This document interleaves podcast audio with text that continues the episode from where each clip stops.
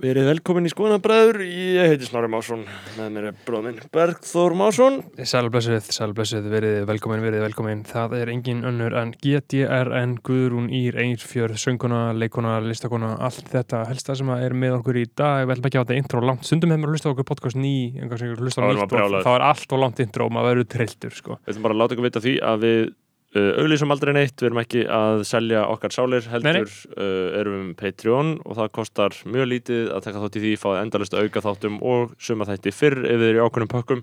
5 dalir, 10 dalir eða 30 dalir, þetta er ógeðslega uh, ókeipis og ódýrt og allt þetta helst að þeir sem að styrkja okkur um 30 dali fá virðingu á nafnsitt í byrjun hvers þáttar og það eru þeir Andrés Um, Andrés, sko, hann er náttúrulega Jónsson, eða ekki? Skulum hafa það, eða hvað? Þú veist, það Andrés, það stendur bara Andrés. Já, ok. Bendit Bjarnason, Björgvin Helgi, uh, Björgun Ívar Baldursson, Brynjar Guðmundsson. Erik Ólaf Eriksson, Geoffrey Huntington Williams. Halldór Clemens Hjartar, Hjörtur Páll Hjartar. Uh, Halldór Sveinsson, tónlistamæðurinn Dirb Sturla Snorarsson, Nafnlaus KFK uh, Tindur Kárasson Úlfur Árnason og loks Ari uh, Hversson Helgason? Ar Ari Helgason, já. já, Síðan er það Jónas Haukur Jónasson leikari sem að var einu sinni styrkjakongur hjá okkur en hann Gafst upp. gafst upp og hann styrkjar okkur um 31 dal þannig að hann er aðeins yfir venjulega og við hann er að sigur okkur með því að gera það já, tölum við aðeins, me tölum aðeins meira um hann tölum aðeins meira um hann en uh, sá sem að stýður okkur mest og best og er bestur og mestur það er Tandir Snær Traustason, hann er styrkjakongur skoðanabræðarlagsins borgar okkur, Patreon leggur uh, okkur uh, 100 bandaríkjadali á mánuði. Það er sjúkt.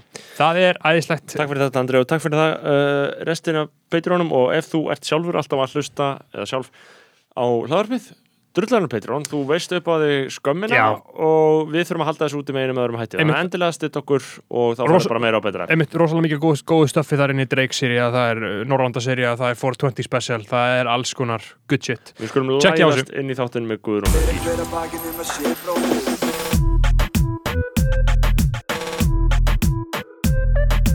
Hver að hver að bakið um að sé bróðir eigi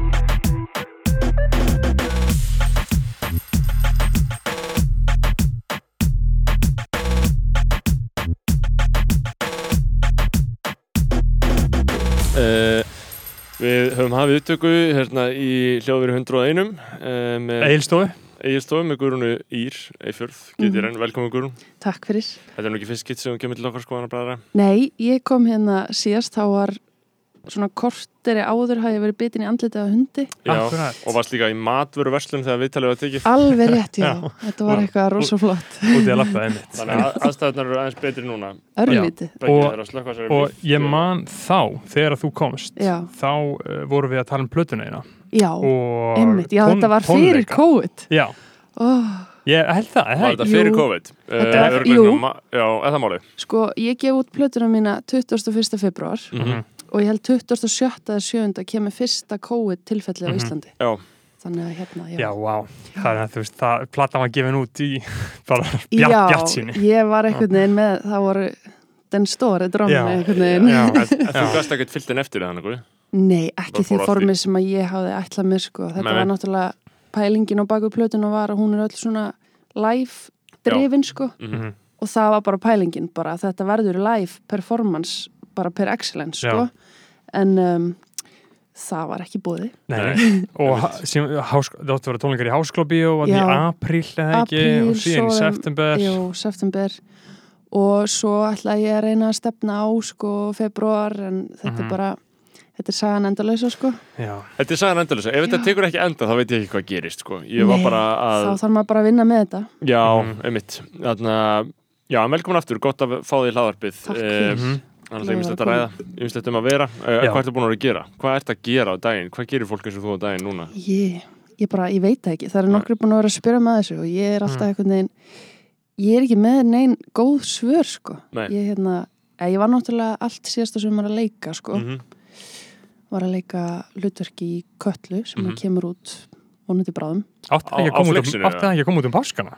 Jú, það er, búið, eitthvað er, það er búið að vera svona, þú veist, þetta er bara COVID Já, Já, og það er allt búið að fresta svolítið mikið tökuna náttúrulega við lendum í hann að tökunar náttúrulega tóku ótrúlega langa tíma sko. Við Mhm. byrjuðum í tökum í februar og klárum vorum að klára einhverja aukatökur í desember sko. Mm. Já, Þannig að þetta er alveg búið að taka rosa langa tíma. um, og þetta, er, þetta kemur út á Netflix, eða ekki? Jú. Já, það er frekar huge. Uh. Netflix er með eitthvað svakalega kvóta um það sko, hvað á að vera Evrópst efni held ég. Já, Ég þekki það ekki nógu vel, en það er mjög áhugavert mál og það, er því, það hefur mikla þýðingu fyrir svona shit í ríki eins og Ísland sko, að Mhm. komast inn í það shit, sko, Já. held ég. einmitt. Þetta er einhver Evropasambands um að Netflix fái að operata þarna með því skilriði að x 30%, mikið já. þurfi að vera af öðru tungumáli en ennsku eitthvað svolítið mjög jákvæðar reglur Alveg. Já. En svo er þetta líka döbbað á ennsku sko. Ok, já, Ég, ég var einmitt að döbba á ennsku. Á, Ok. Bara með þitt eigin, þinn eigin karakter. Já. Einmitt, já. Já. Þannig að Eh, þetta verður aðgengilegt líka, þú veist, bandaríkjunum og já. öllu, öllum þessum stóra markaði. það er epíst en svo, já, það er einmitt sko örglega eins gott að gera það en það er talað um að e, svona tölfræðilega þá er ekki gott að vera með efni á frummálinu sko, þú veist, bandaríkjumenn horfa til mig ekki á neitt sem nema að sé á ennsku, skilur Einmitt. En Við erum en- svo vön textum, sko. Mm. Allt er textað hjá okkur, en bandaríkjumenn þeir bara ekki sén, sko. Ég meina þjóðverður og spánverður að döpa þetta líka og þau hlusta Já. bara á þetta á þýsku og spænsku sko, Einmitt. sem er svona ógeðslegt að gera, Já. En er þið búin að sjá Snappa Cash? með hvað er það? Það er hérna sænsk þáttur sem var að koma út bara Já, fyrir viku síðan. e- um eitthvað sálfræðinga eða eitthvað, nei Nei, þetta er um hérna, þetta er byggt á mynd. ég sá, ég elska þessa mynd þegar ég var lítill, Já. þetta er svona sænsk gangsteramynd Já, Kom og út þetta er svona 2009-10 gangstera eða eitthvað. þættir, Já. sko. Þetta er, þetta er skemmtilega þættir, ég Já. maður mig. Ég er það það? Já, Já. flixinu, og þetta er Netflix original, þetta er sama pæling, Já. bara sænst efni, þetta er á sænsku, en svo Mhm. getur þú sett þetta á ennsku líka. Já, akkurat um, Ég held að það sé hljóta að vera það er náttúrulega bara gæðið þetta eða er einhver framtíð í þessu en, en langar tökur, erfiðar, hvernig var að vera leikari? Bara geggjað, sko. Já, Mhm. Ég einhvern veginn held að þetta komur á óvart hvað þetta er líkt því að koma fram á sviði, mm að performa bara sönglega síð, sko. Og þú ert bara, þú ert alltaf að reyna að koma fram einhverju tilfinningu til hlustandans eða áhörandans. Já, og hvernig er, ég meina, þú veist, þú ert náttúrulega með endarislega línum og endarislega textum, hvernig er að læra textana? Af því að uh, ég get ímyndað mér að það sé svolítið erfitt að bæði kunna textana og leika þá vel, eða ekki? Jú, þetta er ég bara eins og ég segi, það komið svo á óvart hvað þetta er líkt tónlist. Já, Ef þú hefur Mm. tónlist í þér, þá er þetta rosalega svona, þetta flæðir voða vel, skilur, af því að þú ert með einhverja hugmynd í hausnum hvert í rauninni hver hugmyndin á baku hver einustu setningu er Mhm. alveg eins og sögnum, þú ert með tilfinningu á baku það sem þú ætlar að segja og annað sko og þú fer þetta bara í eitthvað flæði Já, þetta gerir sér að þú varst svolítið uppgötuð en það ekki, eða, þú, þú, þú varst ekkert að sækjast eftir þessu, heldur einhvern veginn bara ástu Nei, ég var hérna uh, að, að syngja og spila á fýðlu í Shakespeare ástfangin Mhm. og Selma var að leikstra því og hún er að hérna, Selma Björnstóttir Selma Björns og já. hún spyr mig hvort ég vilja koma í pröfur Mhm. Og mín fyrsta hugsun var nei, ég er ekki leikuna um, en fór svo í pröfunar og ótrúlega þess að fekk bara ringið tilbaka og var Mhm. aftur í kölliðinn Mhm. og hérna svo bara ringdi mig og sagt að ég hefði fengið þetta hlutverk já.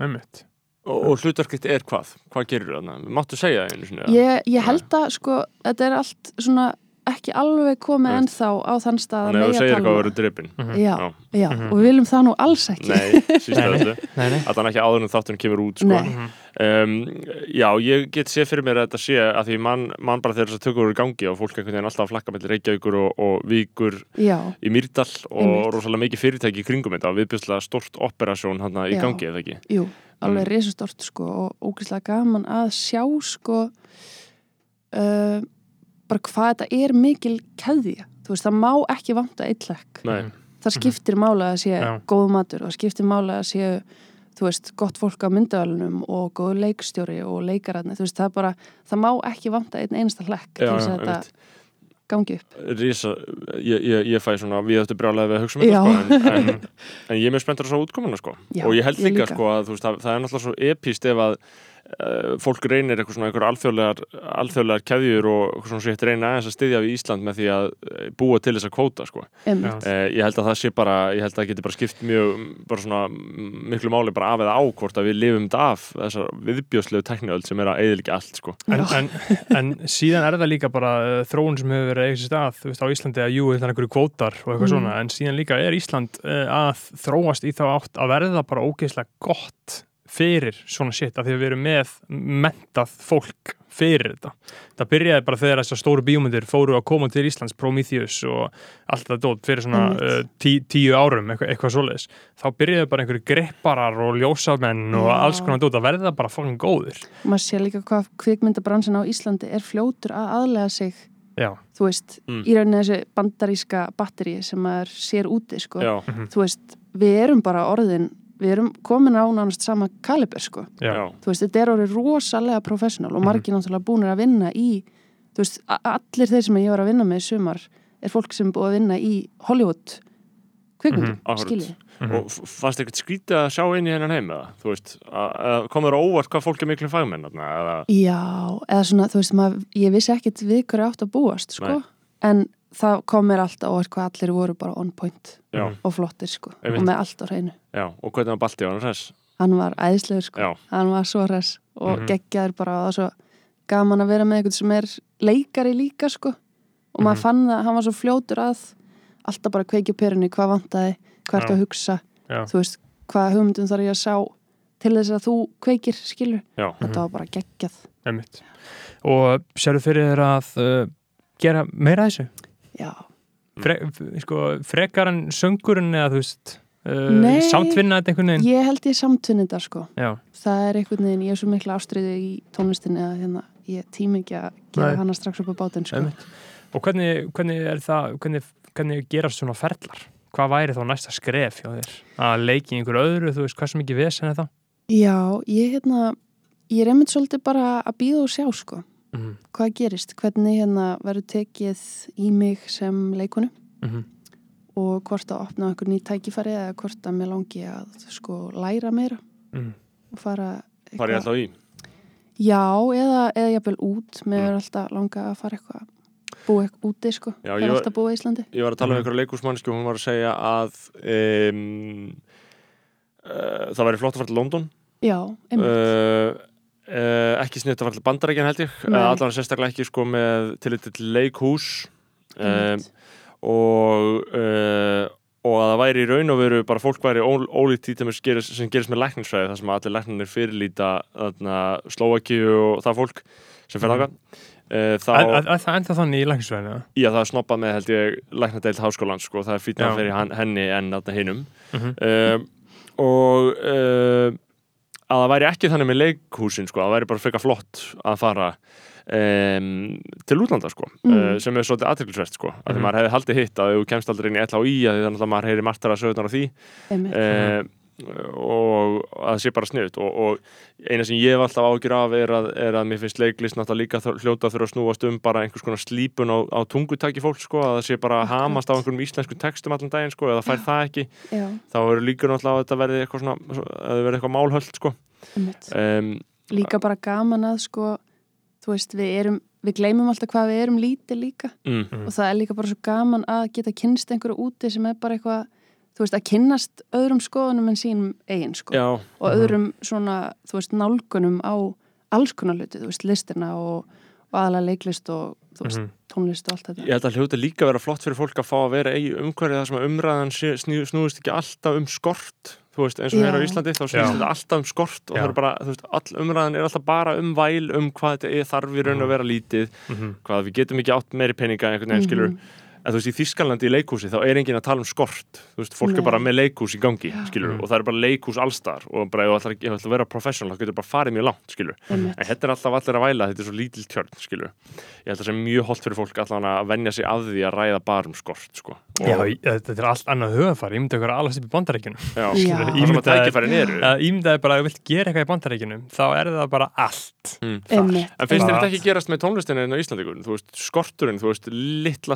Já. Er mm. samfélagið og svona takmörkin fyrir hversu langt maður getur farið. Jú, það er líka bara svona sko, ég kannski er ekki alveg komin á þann stað en þá Mm.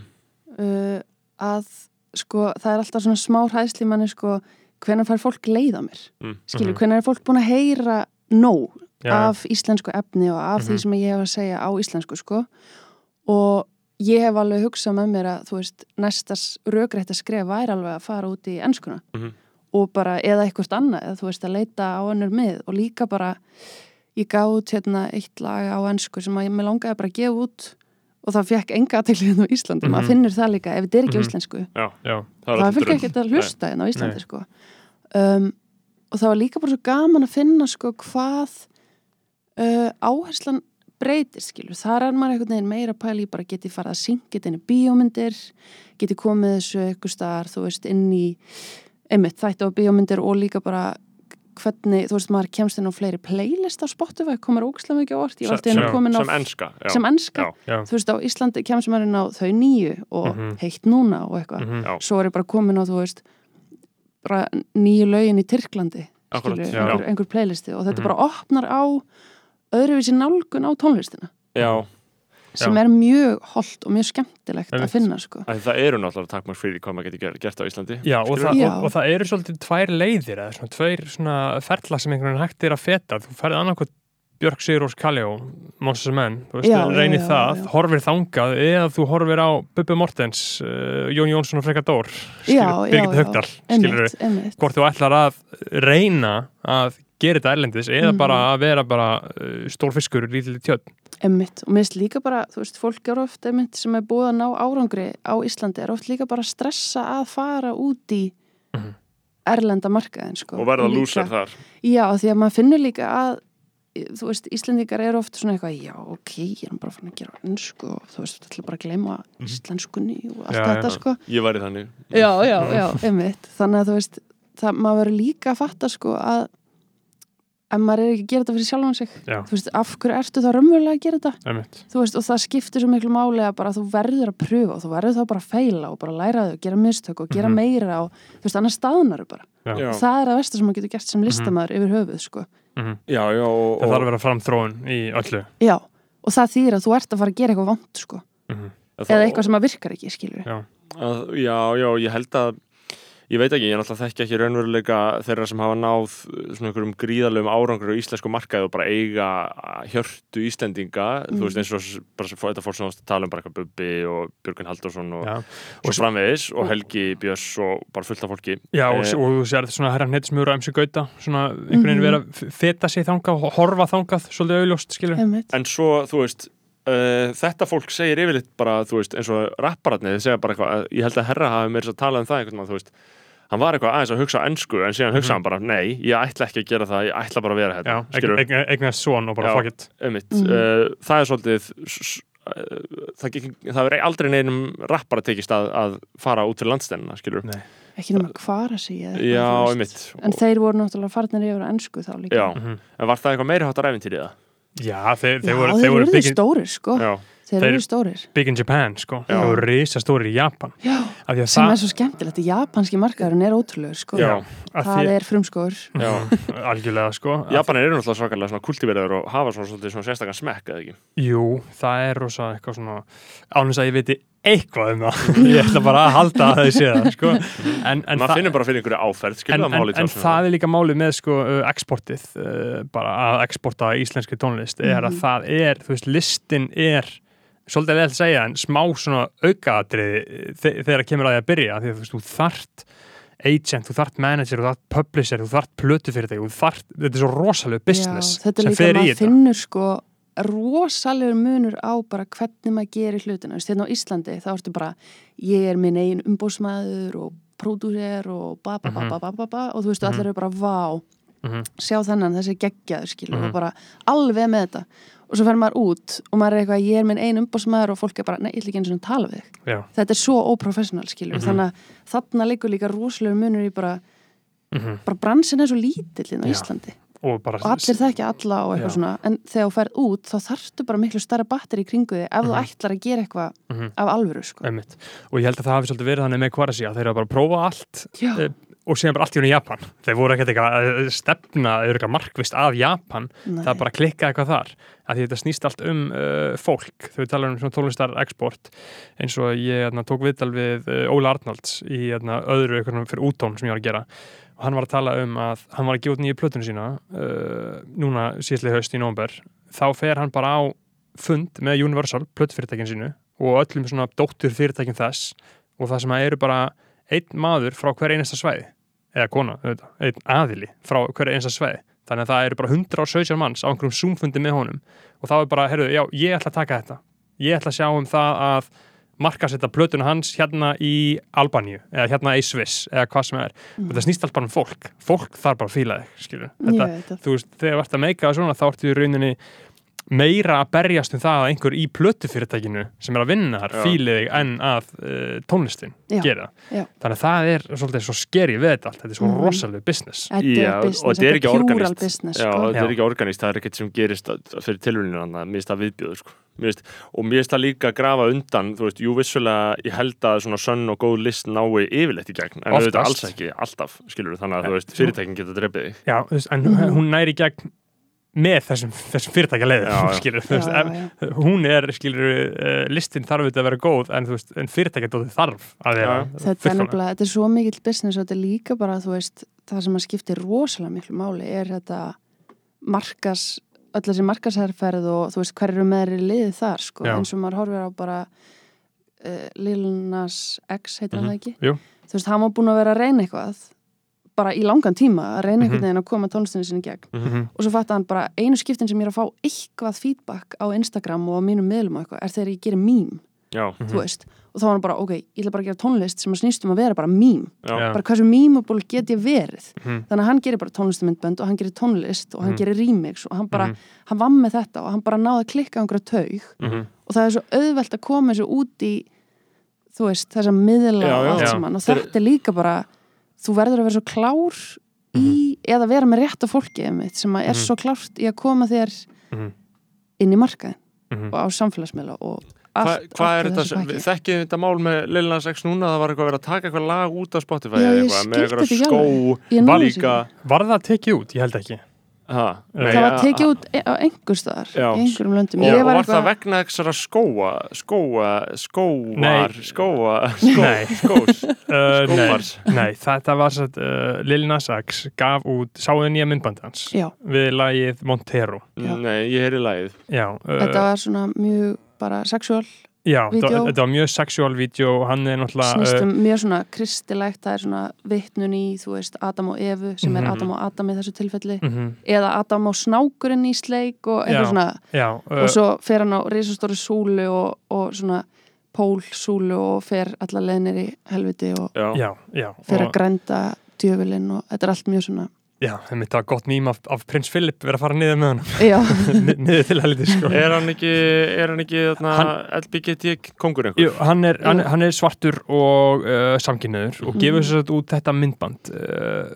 ógeðslega dýrt myndband. Eina sem ég gæti hugsað um bara allan tíman með henni horfa á Já. var ég bara að hugsa bara money. Og vá, þetta myndband hefur kostað bara jafn mikið á íslensk bíómynd. Já. meira, auðvitað miklu meira. Já, fimm íslenska bíómyndir. Mhm. þetta er ógeðslega dýrt myndband og bara flott, flott myndband.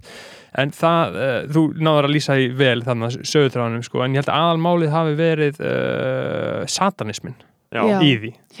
Sem sagt hann uh, er bara á því væpi eitthvað að aðhyllast satanisma skilur, ég veit ekki uh, hvað, nákvæmlega hvað það þýðir en það er bara eitthvað svona, það er vist ekkert allt svo slæmt og bandaríkin eru náttúrulega uh, enn þann dag í dag. Ertu að segja að segja eitthvað svona þráður í satanisma sem sé bara valið, eða þú veist, hvað hva er, hvað er fokkar um satanisma? sa satanismi er ekki af slæmur og heldur sko. Nei, ok, Satanismi er bara, þú veist, smá bara svo að vera goth Mm. eða emo, já, skilur ok.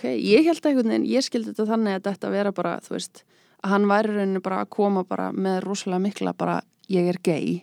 Já, og þetta er það sem að er alltaf verið að segja við mig, þetta Mhm. sé þú veist, ég farið til helvitis Að því ég sé samkynniður, Mm. Mhm. ég las það út úr myndbandinu, en er hann Já. bara raunverulegur Já, eða daðrar við sa satanisma, Já, skilur ok, ok. En, en það er náttúrulega, hann, hann trúið því ekkit endilega hann, hann, hann er bara hann, já, hann er svolítið bara að próbreyta eitthvað væp frá Já, því að þetta hefur verið rosalega mikið uh, í eins og Lil Uzi Vört uh, mjög vinsættarpari hefur verið svona öfugi krossar eru svolítið Já. að vin- vinna með þá að Já. hafa kro krossana öfuga og svona Einmitt. alls konar satanisma, Og- og þetta symbolisma Og fór þetta dæmi ekki bara fyrir brjóstu og gett mikið einhverjum frá sandtrúðum, sangkristnum uh, bandaríkjumannum, eða Jú. var það ekki vandamál? Jú, jú, það var vandamálið, það, það var vandamálið og þetta varð svo ótrúlega stjartfræðilega vinsælt ég held að þessi ennþá nummer eitt með þessi bara á Íslandi sko. Já, Það- þetta var bara rosalega risastórt og Nike gátt einhverja skó Með með, einhverju blóði. Já, með einhverju blóði, alvöru mannablóði í eða eitthvað svona. Þetta er náttúrulega bara, þetta er náttúrulega bara eitthvað gimmick, skilur skilur Þú veist, Já. plötufyrirtækið er að orkestreita þetta og vita nákvæmlega hvað það er að gera. ég hugsaði sko, það fyrsta sem ég hugsaði þegar þetta kom hann eitthvað, þið verðið að hlusta á lægi mitt að því að fara að taka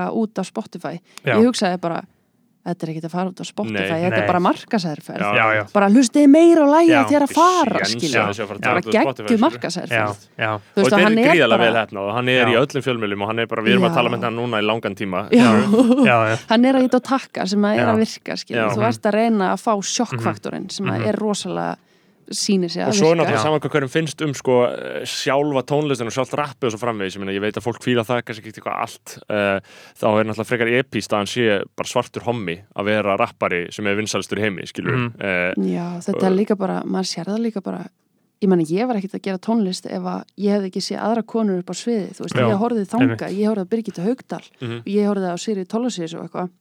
Og maður bara, maður fattar að þegar maður líka sjálfur í bransunum hvað þess að fyrirmyndi skipta miklu máli og hann er náttúrulega hann að koma og er bara, Mhm. ég er svartur og ég er samkynniður Mm. og það er ekkert að því og það er bara svo töff fyrir Já.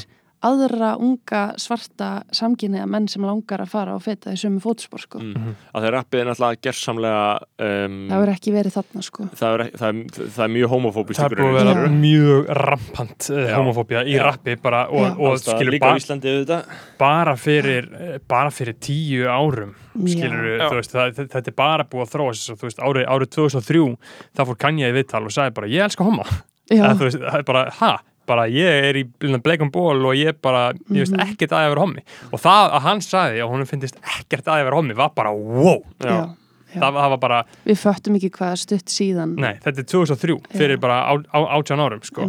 Og síðan, þú veist, þróast þetta þú veist, það hafa aldrei verið þannig sem einir hommar í rappi, en, en síðan gerist þetta svolítið með þessu svona, svona Nicki Minaj, svona, þú veist er að gera, hún svona margir svona hommar elska hana, skilur, og það, hún svona spila smá inn í svona LBGT uh, Já, kultúrin, og, sko og svo náttúrulega bara með Bassama Rasin á Íslandi, skilur, hann Já. er bara, þú veist, hann tekur allt upp frá henni Mhm. sem náttúrulega er nafnið frá henni, skilur, þetta er frekar, frekar svona mjög skýr bylgja, sko. Já, og þú veist, þetta er bara, og það var bara fyrir, fyrir þreymur árum með eitthvað sem var offset uh, fyrir hann einu að Cardi B og Arumigos hann sagði eitthvað homofóbik og þá svona voru allir svona, wow.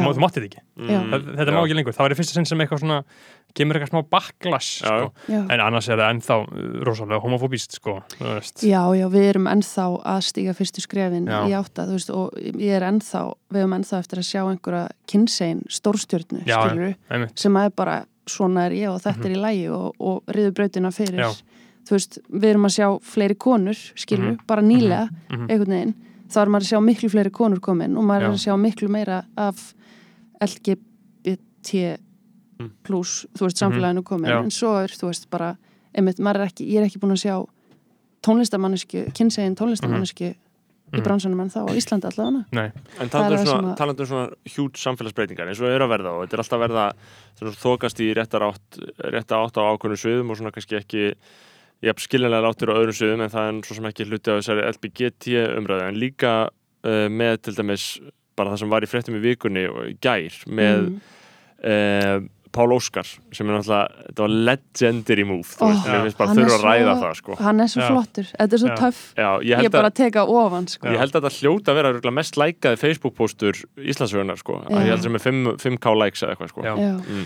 uh, fyrir hlustendur þannig að við útskýrum um hvaða máli verið að ræða þá sem sagt uh, Páll Óskar söngvari uh, byrti myndir af sér Mhm. uh, sem að einhver hafði hótað honum að hann ætla að byrta frá grændir stefnumótasíðinu sem eins og- sem er Tinder fyrir homma eða ekki? Mm og, og það var einhver gaur að Já. setja þessa myndir einhvert. Já. þannig að Palli hann, hefur sendt honum bara í trúnaði. Já, Já, og hann ætlaði bara að fara að dreifa og Mhm. örgulega búin að vera á hótanum maður getur alveg trúið einhver tíma sko. Já, já, potið þetta hefur verið algjör krísa þú Já. veist, uh, Já, maður hefur heyrt- ömulegt, heyrt um það ömulegt mál, stað sko. til að vera í sko. Uh, og Palli skrifa sko, posta bara einhverjum þreim kongalegum myndum að sér upp í rúmi skilur mm. uh, og hann segir atna, svona líti ég út. Fávitin sem ég sendi þessar myndir í trúnaði og grændir og er nú að dreifa þeim út um allt til að fá mig til að skammast mín fyrir að hafa líkama og lifa kynlífi. Rúmlega 30 árum á sveinn, njótið vel. Þetta er svo gott. Já, og þetta er 7500 likes ég held að, ég held að þetta sé alveg tímalega sko, mest likeaði Facebook-post í Íslandsöguna sko, en þetta náttúrulega bara vekur upp hjá öllum bara djúður þetta kongalegt. Já, bara fokk, bara velgert Já, já, þannig að þetta er líka mjög fullnaða segur sko. Mhm. um, og þetta er svo mikil breyting þú veist, þetta hefði aldrei gerst bara fyrir fimm árum held ég sko. nei. þetta var, við vorum ekki tilbúin að taka við svona Nei. dótið Nei. þá sko það er allir bara orðnir, við erum bara í átta meiri meðvitund og, og Mhm. bara Mhm. við erum alltaf að vera aðeins klárari sko. Mhm. Já, Ímyndugur hann, sagði- hann sagði gott sko, 30 árum að setja, mér varst það svo gott, svo, svo, svo gott hjá hann sko. uh, en ég, það setur allt í mig sem að Hallgrimur Helgason sagði þegar hann var í þettinum hjá okkur sko, að bara 90s, ef þú varst hommi Já, það er bara what, það er bara, þú, þú varst ekki samþýttur af Já. samfélaginu þetta hefur breyst svo uh, stjarfræðilega hratt Mhm. þannig séð, með hvað er stutt síðan Mhm. en Páll Óskar, ímyndugur hvað hann er búin að þú veist, hvað hann þurfti að gangi í gegnum. En, en hvað er alltaf þetta endi? Hvað, þú veist, ætlum við endum bara í einhverju draumaríki fullkomnunarinnar? Eða þú veist, hvað, hvað, hv- ég, ég er bara veltið fyrir mér, veist, hvert, hvar endar allt þetta, all, all, all, all, þessar jákvæður þróanir, skilur, veist, hvað er fokkar mér að gerast? Akkur er þetta að verða betra, skilur, hvað ætla þetta að sé? Ég veit ekki, þetta er mjög flókin spurning sem ég er að spyrja, sko. já, já Um, Það er, ég, ég velt þessar spurningu líka fyrir mér sko, að því að getur maður endað í bara fullkonum heimi sko, ég held já, að ég, Held ég að sé efast um það, að Ég þeim er held lík, að- já, þegar Já. eitthvað gott gerist þá bara einbyttu okkur að eitthvað öðru sem er vond skilur, Já. að, þetta endar aldrei Mm, ég, Nei, nei. En til þess að aðeins vera neikvæð. Já, þú veist, en við gætum alveg enda í bara góðri sósialískri útópíu. Já, einmitt. Já, þar sem að þú veist að allir bara hafa sitt Já. Ég, ég veit ekki, ég, ég hef enga trú að við getum það, sko, við gætum það, það er viðtengar áttur, sko, en Já, við, við, við gæ- gætum það, en ég meina að það er 30 ár eftir af heiminum Önnur umræða sem er í gangi sem er nátengt þessu er um OnlyFans það sem að áhrifavaldar hafa verið að dissa uh, einhver gælur sem eru á OnlyFans uh, og það er náttúrulega, þú veist OnlyFans dæmið er svolítið fyndið, við bæki við höfum verið að velta þessu fyrir, við reyndum hann fyrir svona hálfu árið eða eitthvað að reyna að fá eh, fólk í viðtal sko, sem hefði verið á þessum síðum skilur, Já. og það gekk ekki Nei. núna er allt morandi viðtölum við svona gælur, er það ekki? Jú Er það ekki? Er það ekki málið? Er það ekki það sem starta þessar umræðu? Í fyrsta leið, það veit ekki hvað þessu umræða byrjaði en hún er í gangi, er það Já, ekki? ég var mjög sein sko, ég Já. var einhvern veginn í einhverju tónleikastandi og svo bara, ég stundum svolítið lokka mig bara út Mhm. þegar ég Mjög er gott. svona mikið að gera sko Frábært, og, og svo kom ég og ég einhvern veginn, þetta var svo mikið svona sko umræðan sem ég einhvern veginn datt inn í var umræða um umræðu um umræðu um Akkurat, umræðu og ég vissi ekki hvar sko byrjunarpunkturinn var Mhm. og fólk var að rífast um hvernig einhver reyfst um eitthvað og ég er, ég verða viðkenna van Já, máttu minn í þessari umræðu Ég líka uh, uh, og ég bara veit ekki alveg í hvað Sko, að ef maður sko. lýsir þessu grunnátröð þá held ég að það hafi verið þannig að það fara hérna stelpur í viðtal til uh, Eddu Falag og Fjólu Sig sem eru með hlaðvarp sem heitir Okkar konur eða Sigur konur eða eitthvað svona eiginkonur Eiginkonur, já. uh, þær taka ekki eina, heldur heldur tvær gellur í viðtal sem hafa verið á OnlyFans. Og verið með aðgang uh, þar sem þær eru bara eitthvað að, jú veist, bara með eitthvað dildo eða eitthvað að selja eitthvað, selja eitthvað drast og uh, þær eru að græða mikið pening og fara á þetta ratar í fjölmjölan fyrirsagnir því að allir sem eru með hlaðu upp þeir skrifa núna texta upp úr þeim sem rata síðan inn í skolpleðslutnar sem eru fjölmjölanir og maður veit aldrei hver er að skrifa lengur en það er síðan önnur saga. E, þetta fer í alla fjölmjöla og þá fer fólk svolítið að ræða þetta og þá stígur fram einhver áhrifavaldur og svo er það náttúrulega önnur umræða að það er til, ár, það er til áhrifavaldar sem eru með 30-40 já ok, 30-40, þeir eru með mjög marga mörgþúst followers á Íslandi. Það er alltaf að poppa ykkur áhrifaldi sem er bara með 33.000 followers og maður er bara, hver í fokkanum er þetta og akkur er hann áhrifavaldur? Úr hverju, upp úr hverju sprettir þú? Uh, og það, það, þú veist, að því að bara öll íslenska millistéttin, hún er bara rosalega mikið að fylgjast með einhverjum áhrifavöldum Mhm. þú veist, hún er bara, þú veist, bara einhverja sem heita bara Katrín Edda, þú veist, bara Já, já. einhver, gella bara í, í Mhm. kópói Mhm. einhver þannig gella, sem ég veit ennþá ekki alveg hver er, hún segir eitthvað svona svolítið neikvægt um þetta, Mhm. og þú veist, og það er náttúrulega núna hef ég ekki upplýsingar um það hvað hún sagði og ég veit Mhm. ekki hvaða punkt hún var að taka Hún sagði að þetta myndi vera á netinu að eilífu eitthvað svo Já, eitthvað svona, Já. einhverja svona móðurlegar umvandanir Já. fyrir þessum stelpum sem er að, að vera OnlyFans Mhm. og síðan þá, þá hef ég líka bara verið að ræða við vini mína og alls konar fólk, þú veist, og svona, þetta kemur inn í umræðina, fólk nefnir þetta og það virðast allir hafa skoðun, eins og einhver sagði þarna, þarna frétta síðan á Twitter sem er alltaf með svona onion fyrirsagnir uh, setti svona mynda svona skimunum á Suðurlandsbraut og skrifaði 200.000 greindust með skoðun á OnlyFans. Uh, þú veist, og það var svolítið þessum gerðist sko. Uh, og, og ég meina, hvað hafið þið skoðun á OnlyFans? Hva, þú veist, að þið, þið þurfum að ræða þetta. Sko, ég einhvern veginn, mér finnst svo ótrúlega gott stundum Mm. uh, að bara viðkynna það að Mm. ég þarf stundum bara ekki að hafa skoðun á hlutunum Mm. og mín skoðun á OnlyFans er bara ekki svo merkilega að ég þarf, þurfi að hafa skoðun að akkurat Mhm. En uh, þú hefur skoðun, ég meina það, það, það, Já, það, það hafa, maður hugsar maður hefur eitthvað, skilur hvað hugsa og- maður. ég þær umræður mér er svo merkilegt líka með þetta þær umræður sem ég hef fylgst með, ég hef hlusta á eitthvað tala um eitthvað Mhm. Og ég hugsa, að já, þetta eru góði punktar Mhm. og ég er sammála mörgu sem þessi mannski er að segja og svo hlusta einhver mannski sem er með mótrögg við því sem að þessi mannski er að segja Mhm. og ég hugsa, að já, þetta eru mjög góði punktar og ég er bara já. mjög sammála Já, já, gerist Og- líka um mig með þetta. Já, og, og mér finnst þessi umræði vera búin að vera rosalega mikið svona. Ég bara skil uh, mjög marga punta í öllu.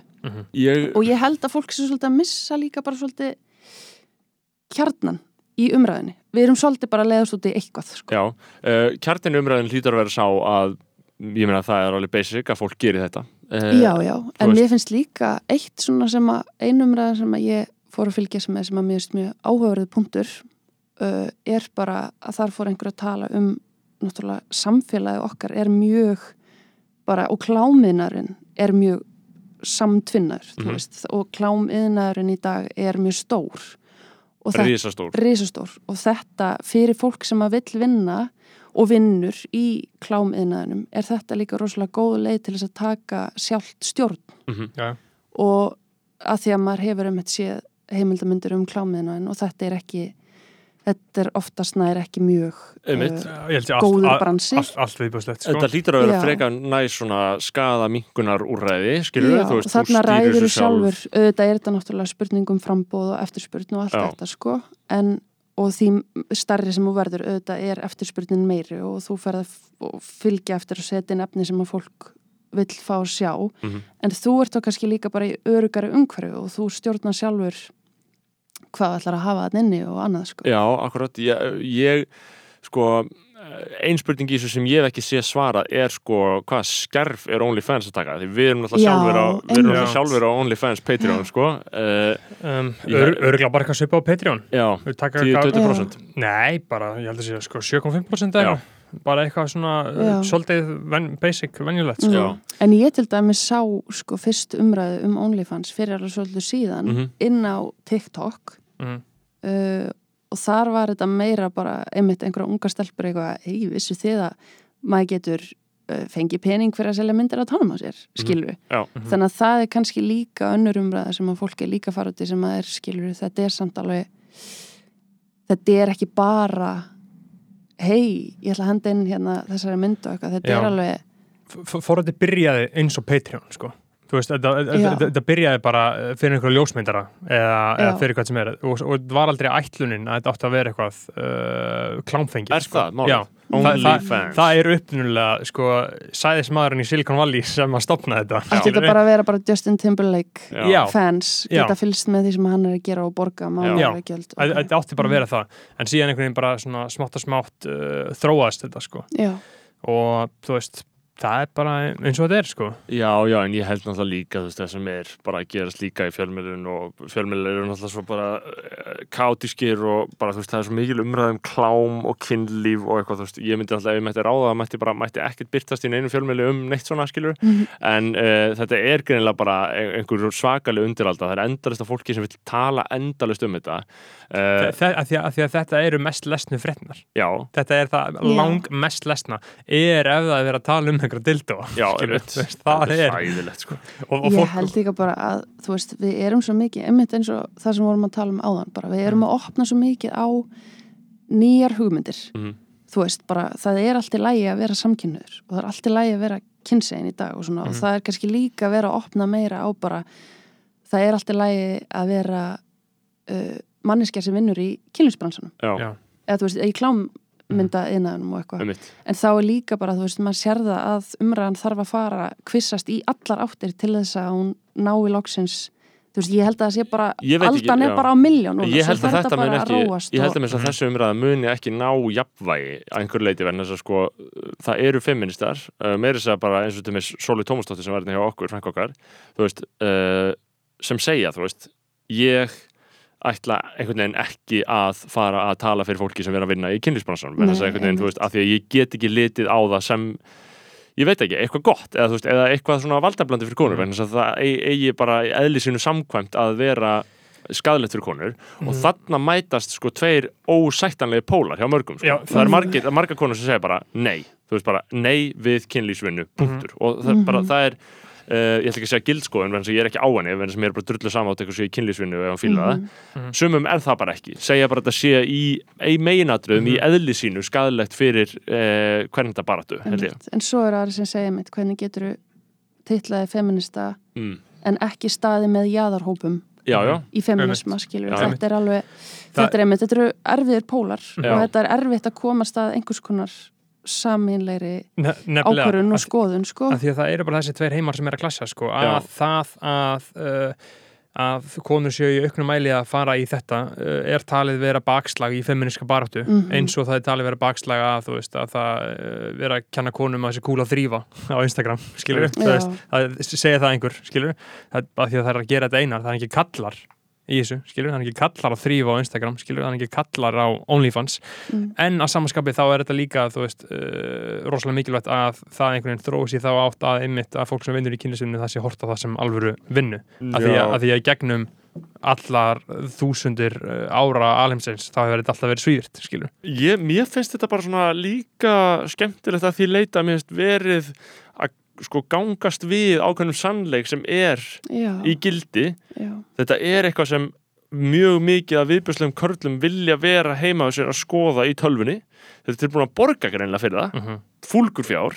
Uh, og þú veist síðustu ár þá höfum við verið þú veist, öll svona umræðum eitthvað svona anti-klám, anti-kynlísvinna anti eitthvað svona, mér finnst alltaf ákveðin líka það fælst alltaf í þessu, allir svona þú veist, þegar við erum komin svona rosalega langt í einhver umræðum, það fælst alltaf í því ákveðin afnöytun á veruleikan, það sem við látum mm. eins og kalla sér betur en þeir eru Uh, og við, höfum, við gerðum það inn í mörg ár fannst mér, þú veist, það sem við vorum öll voða miklu feministar, vorum öll voða miklu eitthvað svona, þú veist, bara allir karlar með konum í liði þú veist, það hefur svolítið svona kvartnast af þeirri mynd núna, finnst mér, þú veist ég er ekkert lengur eitthvað svona að titla með svona sakalan feminist, að ég skil allar hugmyndirnar en ég er bara, ég er fokkin karl Já, skilur þú ert að tala um þann tíman milli friði nippul og me too Já, þú veist, það er svona 2013, 14, Já. 15, 16 þegar Já. við vorum í MR í og Guðrún. Mhm, þú veist, það sem að það var ákveðin svona yfirborðsmynd sem allir voru svo svolítið að dansa með og á meðan á henni stóð þá hefði við ekki verið með OnlyFans og ekki verið með svona opnað umræðu um bara að fólk er bara ógislegt, fólk vil bara vera með eitthvað fokkin viðbjörnslega kynlýfsmyndbönd og kalla vilja horfa á þau og bara þú veist, þetta er, þetta er náttúrulega viðbjörn, þetta er syndugt atferðli að mínum mati,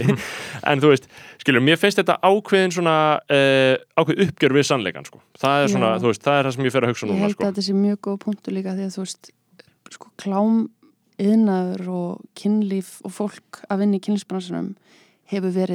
í gegnum, þú veist, þetta er búið að vera endalust, við getum hort þúsund ára aftur í tíman og við sjáum að fólk var alveg að selja kynlíf og, já, og þetta er búið að vera svo stór, þú veist, og það er kannski einmitt gott að þessi umræða sé að koma þannig að við getum líka horst í augu við það að auðvitað er fólk í dag að vinna í Já. klámiðnaðum Mhm, og það er fullt af fólki og þú veist, þá er kannski líka bara góð þróun að við sem horfumst í augu við þetta þannig að þetta getur líka þróast í það að verða ekki eins ógislegt og hættulegt Já, og þar í raun Já. er sko Já, af því að ég, mér finnst hitt vera að setja upp eitthvað glansmynd og segja þetta ásver ekki stað, við samþykjum þetta ekki við hérna Já. elitan sem erum alltaf í fjölmiðlum, við erum ekki með þessu þú veist, við Einmitt. fokkum ekki bara í staðin fyrir að bara, hei, þetta er að gerast í geðvett miklu mæli, þetta er risastór bransi á Íslandi, þetta er risastór bransi alþjóðlega þú veist, höfum þetta bara hluta af umræðinni þú veist, búin til stjættafélög, búin til sérréttindahópa og búin til þú veist, hagsmunafélög í kringum þú veist, líf fólks sem gerir þetta. Í staðin fyrir að veika, já við bara blátt bann við, þú veist, kynlífsvinnu. Bara en ég hef fucking heilt fokki líka ykkur, svo skilur margar skoðanir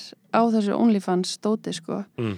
en mér finnst ég ekki hafa hlusta á margar rattir sem að eru inn á OnlyFans eða bara fólk sem að vinnur í klámi eða öðru, þú veist, mér finnst það, það hún, svolítið þurfa að líka heyrast, að sko, heyrast sko, einmitt. að því að þetta er svolítið mikið bara hvað er rétt og rámt og fólk sem er ekki partur af þessu er Já, svolítið að rökraða fram þetta er bara Já, það já. fólk eins og við sem er að segja Já. og Já. ég, ég er mér alltaf svolítið svona rættur um það sko, að þetta fólk fá um þetta ekki rödd sko, þetta er eins Já, og það kapni í sko Já. öllum röddunum sem hafa eitthvað að Já. segja og raunverulega röddunar sem að þurfa að heyrast Mhm. og sem þurfa að hafa skoðun á svo við þurfum Mhm. að hlusta á og þær tínast svolítið sko. að því að það- þetta er eins og bara við þrjú hér að tala um þetta og höfum ekkert okkar hefur eitthvað verið í þessu þetta er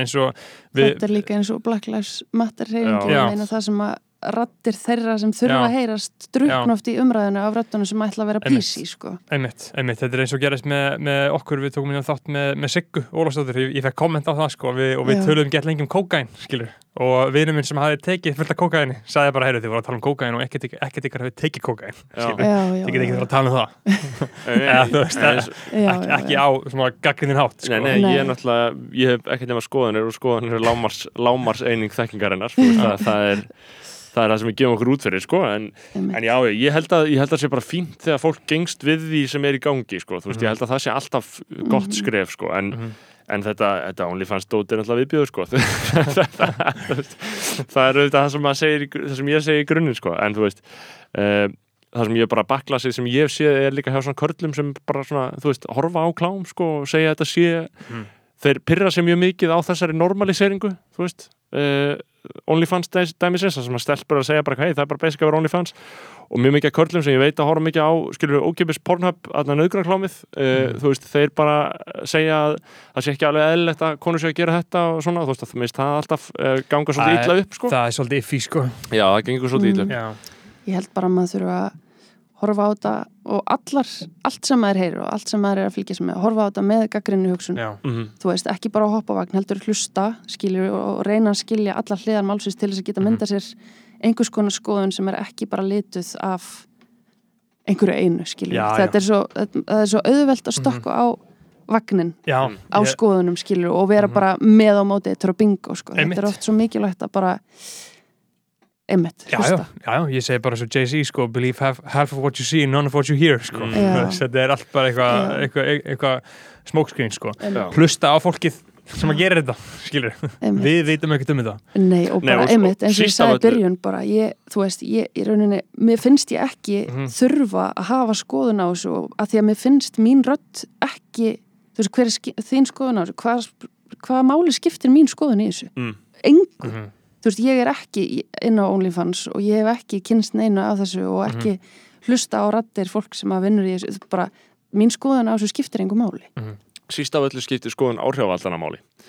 Mér finnst að þetta að, að halda áfram að, að sko, gera þeirra skoðunar alveg ómartækar þú veist Já, bara vinna markvist að því bara, já, skiptir engum máli hvað þið finnst skilur, en Mm. málið er að það, þú veist, þetta eru rættir sem skipta máli og að því voru ekki, þú veist að nefna þetta Philip áðan, heitir hann Já. ekki Philip drottningamæðurinn sem var? Fyrirbus já, mm. eh, þú veist svo jarðaför, hún var í gangi þarna daginn og maður var að horfa á hana eða svo Siggi-steppi var að horfa á hana og ég var eitthvað svona að horfa á hana með öðru auga og allir í heiminum voru að horfa á þessa jarðaför og allir í heiminum eru með þetta fólk á heilunum og í krán og eitthvað svona sétt það er eitthvað í fólki veist, sem bara vill horfa til einhverja andlera leiðtóa veist, bara eins og konungsfólkis fólksins eða áhrifavalda og ég fór bara að hugsa um þetta líka í samvikið í konungana, veist, að þetta hefur alltaf verið og við erum alltaf að dissa áhrifavaldana eh, allan hérna í skoðanbröðum, við leggjum áherslu á það. Eh, og eh, þú veist ég er að velta fyrir mér sko hvort að það sé ekki algjörlega óhjákvæmilegt að þeir hafi jafn mikil völd og þeir hafi hvað finnst ykkur um það? Þú veist, er þetta ekki bara komið til að vera og það er ekkert að fara að breyta því að áhrifavaldar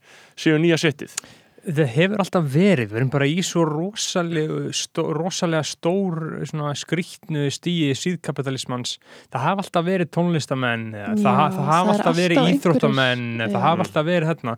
En núna eru við komið með sem byrjaði náttúrulega bara hérna, með raunveruleika sjónvarpi, bara Paris Hilton og Nicole Richie og síðan Kim Kardashian og allt það sem að fólk, þetta er klísi að segja þetta skilur, en varð frækt fyrir að vera frækt skilur, Mhm. þú veist, Mhm. bara djam fyrir að lifa bara einhverju veistlu lífi skilur, þetta var með þess að fyrir samfélagsmiðla og núna eru við komið það áhrifa valdar, svokallæðir þeir eru frægir fyrir það að selja fólki dót, af því það er það í rauninni það sem þau gera, skilur þau eru að lifa sínu lífi og selja shit Mm. Já, já, við erum bara að lifa líka einhver, eitthvað svona virtual reality simsleikir en í gegnum þetta allt saman, þú veist, Já. þú ert bara að taka einhverja, þú ert bara að búa til karakter mm -hmm. og þú ert bara að henda honum hana út Mhm. og hann notar þetta og hann gerir þetta og þá eru einhverjir mini-simsara Já. skilur sem að vilja líka vera svona og Mhm. vilja líka lifa þessu lífi skilur, Já, við erum dæmis- bara það er svo ótrúlega stert í mannskjafninni að tilheyra Mhm. að tilheyra hópið, að vera partur, þú veist hvað er, hvað er allir hættir við? Það er höfnun Mm. af hverju erum við hættu höfnun? Af því við viljum tilheyra einhverju, skilur og við viljum tilheyra hópi áhrifavalda eða við viljum tilhera Kim Kardashian eða skilju, já. það Já. er bara eitthvað í okkur Já, sem okkur og langar að vera einhver hópur Þú, GTRN, er, er, það, er það karakter á Instagram eða er það þú, skilur? Sko, ég, mér finnst mjög þægilegt að geta aðeins bakka út úr, ég horfi á sjálfum mig sem Guðrunu Íri Eifjörð já. og svo söngkonuna GTRN mér Já. finnst þetta vera svona ákveði allt er ígó sko, Mhm. að því að það skiptir rosalega miklu mál fyrir mig að kúpla mútur þessu Mhm. og bara ég, það skiptir málum fyrir mig sem tónlistamæður að vera enn á mér finnst mjög erfitt að jögla þessum boltum sko, að því að skiptir máli fyrir mig að vera á Instagram, Mhm. að því að þar finn ég að þar sel ég miða tónleika, þar fylgist fólk með mér og þar fæ og ég te tengist þér og þinn, þinn, tengist þinni personu með emitt Ég meina og með hlustar 10-11 followers, skilur já, já Mhm. Uh, en svo á samanskapi þá emitt hef ég ekki mikinn áhuga samt að vera rosalega persónleg skilur, það skiptir mig, mig líka máli að vera bara, ég þarf að hafa mitt eigið þar sem að fólk er ekki að skoða hvernig einasta kema af mínu sjálfi og mínum persónlega hlutum og fjölskyldum minni Mhm. og, og, og mínu svona nánasta umhverju sko. Já, þannig að en ég hef einmitt pælt í þessu sko, því að svo einmitt setjum bara inn eitthvað persónlegt og það bara springur upp það er sem að fólk vil sjá sko já, já. það er persónlega, persónlega Mhm. það, vil, það vil helst sjá þig, þú veist, þegar að þú ert á botninum sko já, já. já, Þú Það það bara- vill vita er hundur en þeir, skilur já, já, Næst. þannig að þetta er, þetta er rosalega áhugaverður heimur Já, sko. og, og út af því að þetta af hverju ástæðan eitthvað sem finnst þetta, við talum á hann að bara íslenska millistéttin er með þetta á heilanum, skilur Mhm. þú veist, bara fólk sem er frægt fyrir það að selja hluti, skilur Já. fólk sem að gera þetta uh, og að því að þetta Instagram, þú ert náttúrulega þarna, uh, ákvörðum hvers og eins, hvernig viðkomandi vill byrtast. Já. Þetta er eins og uh, Office, breska Office var svona ógeðslega vinsælt, hvað komum 2003-2004 eitthvað svo leiðis, því að það var í mockumentary stíl. Þú sást, þú sást ógeðslegt fólk skilur þú sást bara umurlegt fólk og þú vissir að það var óge, ógeðslegt. Þú fegst að sjá hvernig að þetta var mockumentary stíl eins og þau var að tala þú veist að sjá hvernig þau vilja láta sjá sig skilur þú veist að sjá það, þau voru að tala í myndaðarna þú sást hvað gerðist og síðan fóru þau að tala í myndaðarna um hvernig þau Einmitt. upplöðu þetta Já. og segja og útskýra og, fá, og það er Instagram í Já, rauninni, já. Þú veist, það er að allir fá að sína sig eins og Vá, þau vilja ég vera held að séð þetta sé einn besta lýsing á Instagram sem ég sé, þetta er bara Já. office Já, þetta er það því að þetta er bara eitthvað fólk sem er bara heima á sér að drepast úr kvíða yfir einhverja mynd sem hann postaði og Já. allir þykjast vera yfir þetta haflir en þú Já, getur það ekki skilur Nei. Nei, bara, þú veist, þetta er þannig gert þetta er þannig gert að þú eigir að vilja meira Já. og þú Já. eigir að vilja fá feedbacki frá öllum þannig þetta er bara þetta er bara hannað til þess og sko. þetta er líka einhvern veginn bara vettvangur þar sem að sko veikleikar mannskeppnir eru teknir og margfaldaðir Yep. og ger, bara ger, svona, ger, ger, gerðið mjög arðbærir þú veist, Já. þetta er bara veikleikar veist, það er bara þegar maður posta mynd það er bara eins og að vera, ég meina, í einhverjum einhverjum bekkjapartí þegar maður er lítill og bara verið ekki bóðið, skilur Mhm. Mhm. eh, og bara traumatíst, það getur Já. traumatíst að fá einhver ákveðin viðbröð á samfélagsmiðlum og, og aðalega að því að uh, mannveran vill alltaf leggja meiningu í allt skilur Já, hvað þýðir það að Mhm. þessi hérna læka hjá mig núna eða hvað þýðir það að hún gera það ekki núna Já, ég er mjög mikið í túlkunum, sko. Já. Ég er alltaf að túlka og ég er alltaf að er að En, en líka, ég meina, að því við erum að tala um svona þætti að sem fólk segir sitt, þá er æði ógeðslega vinsælt núna. Einmitt. Uh, það eru bara þættir, þú veist, bara, þú veist, og, og ég var að þjálfa getur betur hjá Kvennó núna í vetur og uh, allir í mentaskóla horfa á æði. Það er bara, allir eru bara, þú veist, þeir tala um æði bara, það er vísað í þætti bara, nei, þetta eru þætti þrjú. Og þú veist, það er bara, þetta er bara, þú veist, það er bara þannig vinsældir á þessu. Mhm. Uh, og það hlýtur að segja eitthvað um samfélagi skilur að svona, svona shit verði svona vinsælt ég á eftir að horfa á þetta vel, ég er núna komið með stöð 2 í töluna og ég mæli með því fyrir alla sér áskriftu stöð 2 en, aðna, uh, og, og ég, er með, ég er með æði sjálfur og ég ætla að horfa en, en hafið þið horft á þetta? Me, nefnilega- mest allt, ekki alveg allt Já, já, er þetta ég, ekki frekar gott það? Eða hvað? eða Guðrún, hefur þú hort það? sko ég nefnilega hef ekki hort ég er alltaf á leiðin að horfa Mhm, já. og mér finnst þetta mjög, mér langar bara að gefa mig góðan tíma ég hef mitt pæli í þessu sko Já, Mhm. að því að ég líka veit að skilur þetta er ekki eitthvað sem að varð bara til eittur og bingo sko. þetta er Mhm. mikil hugsun sem er sett á bakvið Já. og, og þetta eru karakterar og þú veist þetta er þú ert að koma hana með yktu, yktu, yktu myndina sem að Mhm. náttúrulega Instagram er líka bara, þetta er yktasta mynd af því sem Mhm. að þú getur sett hana inn sko. Nei, þetta er bara, Mér er Þetta er bara- svakalegt að hóra Bassamaras í viðtölum. Ég fæ bara svona kaotíska svona óreðu tilfinningu sko, því það getur gerst bara hvað sem er sko. ég veit ekki hvað hann er að fara að segja sko. og, það, það, það er það góða sko. Og, og hann læti mér líða þessu búmer sko, þú veist, af því að ég er að horfa á sitt og ég er bara, ó, bara hvað Mhm. hva orð er þetta basically sko. veist, það er í alveg þetta er fyrsta, tilf- fyrsta skiptur sem man, maður fær þessa tilfinningu sko. Já. Já, ég, ég hitti hann hérna uh, ég hitti hann hérna í, á skrifstónu, 101 á körskutunni uh, áður hann gátt læði sitt. Og en þættin voru komin út, hann voru Mm. rosa vinsall ég bara lappaði upp með hann og blessa hann kynnti, kynnti mig fyrir honum skilur, og hann var alltaf og hann var smá tipsi, þetta var þegar hann kom í þáttinn til okkur hérna, í partíþáttinn Já, sko. vísa í hann, endilega hlustið á Já, þáttinn. tje- tjekkja á hann á Patreon sko. Og þá hann ég bara kynnti mig honum og hann- þá hann heilsaði mér og, tók mér sér hálstaki bara heilsaði mér og Já. tók mér Einmitt. vinalegt skilur Já, en, já, já. En, en þú veist þetta er bara tók mér skilur Já, þetta er rosalega kaotist hann, hann segir að þetta er svo fólk er að segja að það sé ekki hrættar á einn eitt en úlinga sko. Það, er, það eru sumir sem eru hrættir úlinga sko. ég er Mhm. það svo smálega líka sko. um, já, en algjörlega einmitt, þú veist, þetta eru bara uh, frábæri þáttir, þættir, ég hef ekki séð á alla Nei. en uh, það er bara gott að svona dótt sé vinsalt af því að þetta er bara gauðra sem fá bara fullkomlega að vera þeir sjálfur já, skilur. Já, ímyndað er, þú veist, ímyndað er sko Karlkins heftina í gamla dag að þurfa að bæla eitthvað svona shit já, skilur. træðilegt að þurfa bara virkilega að surpressa allt þetta og einhvern veginn og hvernig það getur myndast í þessu þetta er svo rosalega eitthvað abstrakt allt hjá Mhm. þeim, sko ég held að það verði hjúts ég held að, ég held að, ég held að Bassi hljóti að verða hjúts ef hann gefur út eitthvað gott rap sko. ég er spenntur að segja það. Já, ég bara hef uh, fulla trú Já. á því, sko. Já. fulla trú á því, fulla trú á því. Sko, hvað ætlum við, við ætlum að tala um uh, það er ímislegt sem við þurfum að ræða. Við getið renn, Guðrúnu í Uh, hitt þetta annað, ég meina núna í að- það er náttúrulega erfitt að- það er náttúrulega mjög erfitt að ræða bransan þú veist, og það er Já.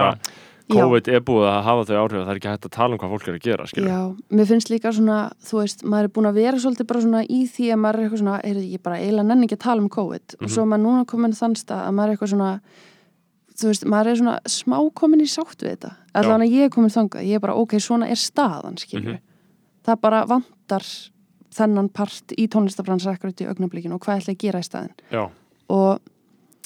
Vinna, ertu ekki alls konar svona einhverjum fjargiggum og einhverjum Jú, svona, þú ég er náttúrulega í streyminu sko og Já. þetta svona, fyrst var ég alveg frekar pyrrum mér finnst þetta mjög erfitt, mér leiði eins og ég væri bara að kasta bolta í veg sem kemur aldrei tilbaka. Mhm. að þú ert bara að syngja einhverja myndavel og maður er vanur feedbackinu og maður fattar hvað áhorfandin gerir mikið fyrir mann sem og bara sjóið skilur og, og tónleikahald og annað sko. En ég held að þetta er eftir að vera geggjað bara þegar að COVID loksins er búið Mhm. eða einhvern veginn komið á einhvern stað sem er hægt að halda tónleika að þá býður þetta upp á bara svo miklu miklu að því að ég er að fatta bara hvað er mikið fólki sem að líka bara nennir ekki að mæta tónleika eða getur ekki Mhm. mm mæta á tónleika bara með kvíða yfir mannfjölda eða annað Já. skilur og ég er bara að fatta, þetta er svo stór tækifæri að halda tónleika og bjóða upp á streymis með það líka veist þannig að þetta er alveg líka að fara eins öfumöld þetta er Mhm. Akkurat í augnablikinu. Mhm. að þá er þetta líka alveg að fara að opna á nýjar hugmyndir og nýjar nálganir í bransanum. Mhm. og líka bara tónlistafólk er aðeins að setjast niður og hugsa bara, heyrðu, ok ég það kannski líka bara aðeins að læra um mín réttindi sem tónlistamæður Já.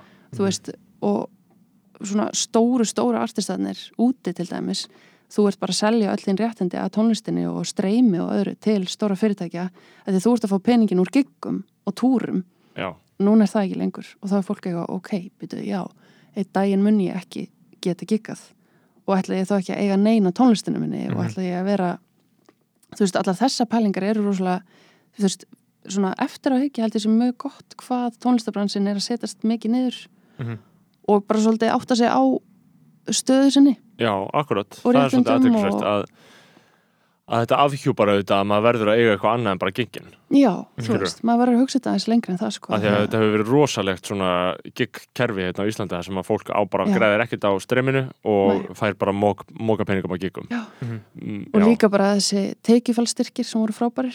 Já, þú veist að þú hérna, þú kannski tekið saman hérna, peningana sem þú varst að, að ekki að fá af giggunum sem að voru þarna sumarið 2020 uh, og þá var fólk að fatta bara já, ok, þú veist, ég þarf bara líka að vera alveg með á hreinu þú veist, bara skatturinn og þetta og bara bókald og já. þetta er Mhm. business náttúrulega líka sko Já, Mhm. og maður þarf bara, ég held að þetta hafi verið þú veist, óttum maður kannski ekki mann langar ekki að segja það akkurat núna þetta er, þetta er umlegt og ætlar enginn að skafa því Mhm. en þetta er líka alveg búið að vera holdt ferli fyrir marga já Mhm. ég held og sko lærdomsvíkt ég held líka ekki síður sko fyrir mig að því að ég hef, þarna, ég hef alltaf uh, svona, ég hef ekkert verið sérstaklega mikill talsmaður bara uh, endilega bara íslenska tónlistar almennt, ég meina þetta er bara eitthvað svona jú, þetta er í gangi, það kom, kom út fersk rapplu og það eru tónleikar og það er stundu gaman að sjá það en en þú veist, mér er drullu sama, skilju, ég er ekki að berjast fyrir réttindum þessu fólks, en það er lega mm -hmm. uh, og núna eftir þetta ár, núna erum við búin að vera í uh, kannski 14-15 mánuði þar sem að maður hefur ekki farið á tónleika Mhm. uh, og maður hefur ekki séð rappara á príkinu, maður hefur ekki farið á príkinu, maður hefur ekki verið á tónleikum, maður hefur ekki farið á tónlistarhátti maður hefur ekki heyrt á tónleikum, maður hefur ekki einhvern veginn bara, þetta hefur bara ekkert, ekkert gott hefur gerst í þessum efnum Mhm. uh, þá fer ég að hugsa, þú veist, jú, ok, það líður öllum mjög illa og ég held að þessi hluti af ástæðinu fyrir að öllum líður svona illa er að menningarlífið er ekki í gangi Já. og menningarlífið bara bætir lífið þitt, skilur og þetta bara 100%. skerðir lífsgæðin bara viðvarandi svona lífsgæða skerðing sem við lifum við og þetta hefur bara, þú veist, að því að ég veit bara marga sem líður bara alveg hræðilega þau fólk er bara í hakki, skilur Mhm. og það er bara, ég get ekki meira þessu, það verður bara alltaf opnað þessu bara, og það er líka hluti af þessu það er menningarlífið, við bara getum ekki verið án þess, sko, það Nei. er það sem gefur lífin gildi og bæki, þú varst að Mm. tala um bara hvað helgar sökka, Ég er Það er orðin bara- sko uh, ég er orðin svo katastrófist þunglundur um helgar Já. að ég verð að skipulegja mig að ég hafi eitthvað að vinna. Þess Við að hérna taka upp sunnudegi, þennan þátt sunnudegi. Já. Já. ég verð að hafa eitthvað fyrir stafni að því að annars bara, því að einu sinni voru helgar alltaf eitthvað, hm, já, maður getur gert eitthvað á lögudegi, Já, núna er ég bara fokking heimi á mér að lesa smásur þetta er bara, Ég held er bara að fólk sé að fatta sko hvað tónlist er mikill partur af daglegu lífi fólks. Ég meina, þegar við giftum okkur, þá erum við með tónlist. Og þegar við deyjum, þá erum við með tónlist, Já, já. skiljið. Mhm.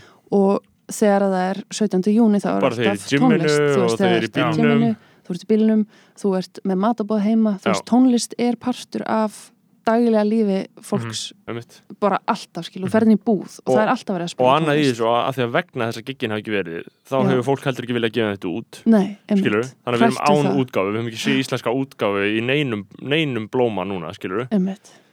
Ég veit ekki, heldur þú að verði eitthvað svona listarænt búm hérna eftir þetta kæfta eða? Ég held að, ég held að allir einhvern veginn sé að taka líka tíman bara að því að maður veit að líka bara sjálfur að þú veist tónlistafólk er þannig gert og þessi vinna í nótskunn er þannig að þú einhvern veginn, þú ert að vinna og vinna og vinna og vinna endalust að einhverju verkefni sem að þú ert drifkrafturinn í, skilju og þú gefur þetta út og þú stendur og fellir með því. Það er bara þannig. Og þetta getur alltaf floppað. Og þú ferð ekki heimtíðin og þú veist, ert ógæslega pyrraður og sest í sófan og fer bara aðtunleisbætur, þú bara gerir betur þú veist, og þú vinnur að næsta verkefni og það er alltaf, veist, það er þessi drifkraftur sem maður finnur í fólki og maður finnur það líka bara núna, þú veist, það, er, það líður öllum tónlistamönnum ömulega, en það er samt einhver svona undirlegjandi kraftur og bara, einmitt, þessi drifkraftur sem að fólk er bara, ok, ég er samt á tónnum um leiðu þetta opnar ætla ég að fara að spila um leiðu þetta opnar ætla ég að fara að gefa út meiri tónlist og fólk er bara að vinna bakgrunnsvinnuna, skilur ég meni, ég gaf út þessa plötu hérna í februar það er enginn að fatta að þetta tók eitt og hálft ár af bara enda lausri vinnu, skilur þannig að ég held að það muni koma bara sprenging Já. í útgáfu og sprenging í þú veist, nýju efni og nýjum tónlistamönnum maður er að sjá bara, þú veist, fullt af alls konar nýju flottu dóti, sko Já, en á sama tíma hef ég svona einhvern veginn, ég, það er langt sinni ég sé eitthvað nýtt svona fest, þú veist, ég er að býða því með langar Já, í það ég held að það muni koma, sko Já. það að gerist að að koma. það er Við erum ó- alltaf vælundan Já, hérna, skilur það, Já. það, það er óumflýjanlegt hver hefði getað séð Aron Kahn fyrir árið 2016 skilur? einmitt, einmitt það er bara ekki séns en svo er bara einhver sex- bara 16 ára gaur Já. Já. þú veist en svo er líka bara svo gaman, þú veist líka maður fyrir að pæli því bara hvað, hvenær var þannig var það ekki spænska veiki, 1918 Mhm. Mhm. og svo koma bara the roaring 20 Já. skilur, sem að við erum bara basically að detta í, þú veist, það er 2020 núna náttúrulega, Já. og þá kemur bara þessi strullun í næturlífi í, þú veist, bara í ákveðni svona, þú veist kyn, Mhm. allt skilur það, voru bara Mhm. fjarinnar og dansararnir og allt Já. saman, Mhm. svo reyndar kom kreppa, þú veist, maður veit ekki hvað gerist Já, Já, já. sko, En- það væri mjög gaman að fá Roaring Twenties núna Já, ég held að þetta sé ekkert ólíkt, veist, að það er heimsfaraldur og fólk er bara bælt og það er þunglind og þú veist, og svo kemur bara þessi sprenging í menningu og Mhm. krafti og fólk vil bara djamma og það vil bara hafa gama núna skilji. Mhm. Þetta er alveg, Já. ég held að þetta sé að fara að Ég gerast. meina, ég var líklega til að fara að djamma bara djamma, djamma, djamma, mér langar bara mjög, mjög drukkin Mhm. og bara svona alveg svona óstjórnlega drukkin bara þannig að það sé bara allt kaos í kringum mig, skilur ég hef ekki, að, að, sko þetta hefur haft svona neikvæð áhrif á djammið Mhm. þetta drast, af því að sko fyrirparti, eða sko matarbóð, uh, ammæli uh, partibóð útskriftir þetta er allt þetta stendur allt á fellu með því að það sé einhver endanlegur staður þar sem allt getur endað sem er miðbærin Já. Já. það gerist ekkert í partíu klukkan 11 ef það á að vera búið og allir heim klukkan 12 skilur, Nei. Það er eins og að vera í eftirpartíu klukkan 6 Já. þú veist, það eru bara allir þunglindra því það er alltaf að vera búið. En bærin skapar, hann býr til allt annað gott. Mhm. og þetta er bara eitthvað sem ég hef lært, það er bara án bæjarins þá er ekki hægt að halda neinu úti. Ef það lokar allt klukkan 10 eða 11 þá sökkar allt annað að þá eru alkoholistarnir ekki að keira í sig til þess að undirbúa sig fyrir bæinn. Og þá er bara ekki stemning að það stemningi myndast þegar alkoholistarnir eru að keira í sig og fá sér kókain og fá sér, þú veist, sígrættur og bara amfetamin og inn á bara í fjölmenni og þau eru bara sveitt, þú veist, það er bara eina þú veist, það er það sem, þú veist, þú þarft fyrir tónleikana, skilur, þú veist þó að þú, þínu tónleika séu örgulega um, kannski minn, síður þessu marki brendur en til þess að rap tónleika, sko, svona Já, ég hardcore hef nú samt alveg lendið að vera að spila og það Já. brýst út slagur Já, einmitt beittur saman Já. sviður það, ge það gerist alls Já, konar sko. við þurfum það sitt sko. uh, við þurfum það sitt og það er ekki núna sko. þannig að við býðum þetta þetta þetta ég, ég, já. Það, það er eina sem er hægt sko. Og maður er líka bara orðin svo leiður á neikværu umræðu. Já. og Já, er ég- bara ég tilbúin að taka jákvæða Já, ég plötin á sammála þetta því. sko. Sko ég var einmitt að bara ræða þetta í morgun þú veist, núna er alltaf að loka aftur mögulega. Uh, það voru 13 smitt í dag. Ég gengi sjóin, Eh, sko. nei, nei, ef, þeir loka gymminu aftur. Ég, ég held að það sé verulega líkur á að allt loki aftur. Við sjáum það svona næstu döfum dögum. Uh, og eina sem við getum gert er að vera uh, bara kings og Já. við ætlum að taka hérna annað lockdown já, við ætlum að vera heima með bjöllunar, við ætlum að vera heima að lesa, við ætlum að vera heima í tölvunni og við ætlum að vinna og við ætlum að klára dæmið og við ætlum að segra. Þú veist, það er bara, Mhm. þú getur valið þessa leið, hún er alltaf læg, uh, svo getur líka bara að fara að segjast að það ætla að drepa þig. Það, það er líka Já. gilt en, og, og það er Já. skiljaleg tilnefing og ég, það er svona mín frum viðbröð en við þurfum að reyna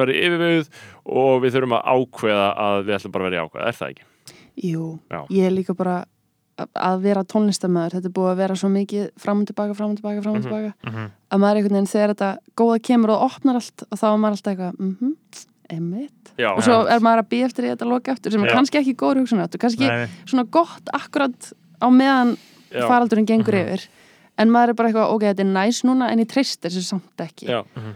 Eina raunverulega bjartsins tímabilið í öllum sem heimsfaraldri var í, í svona mæ 2020. Já.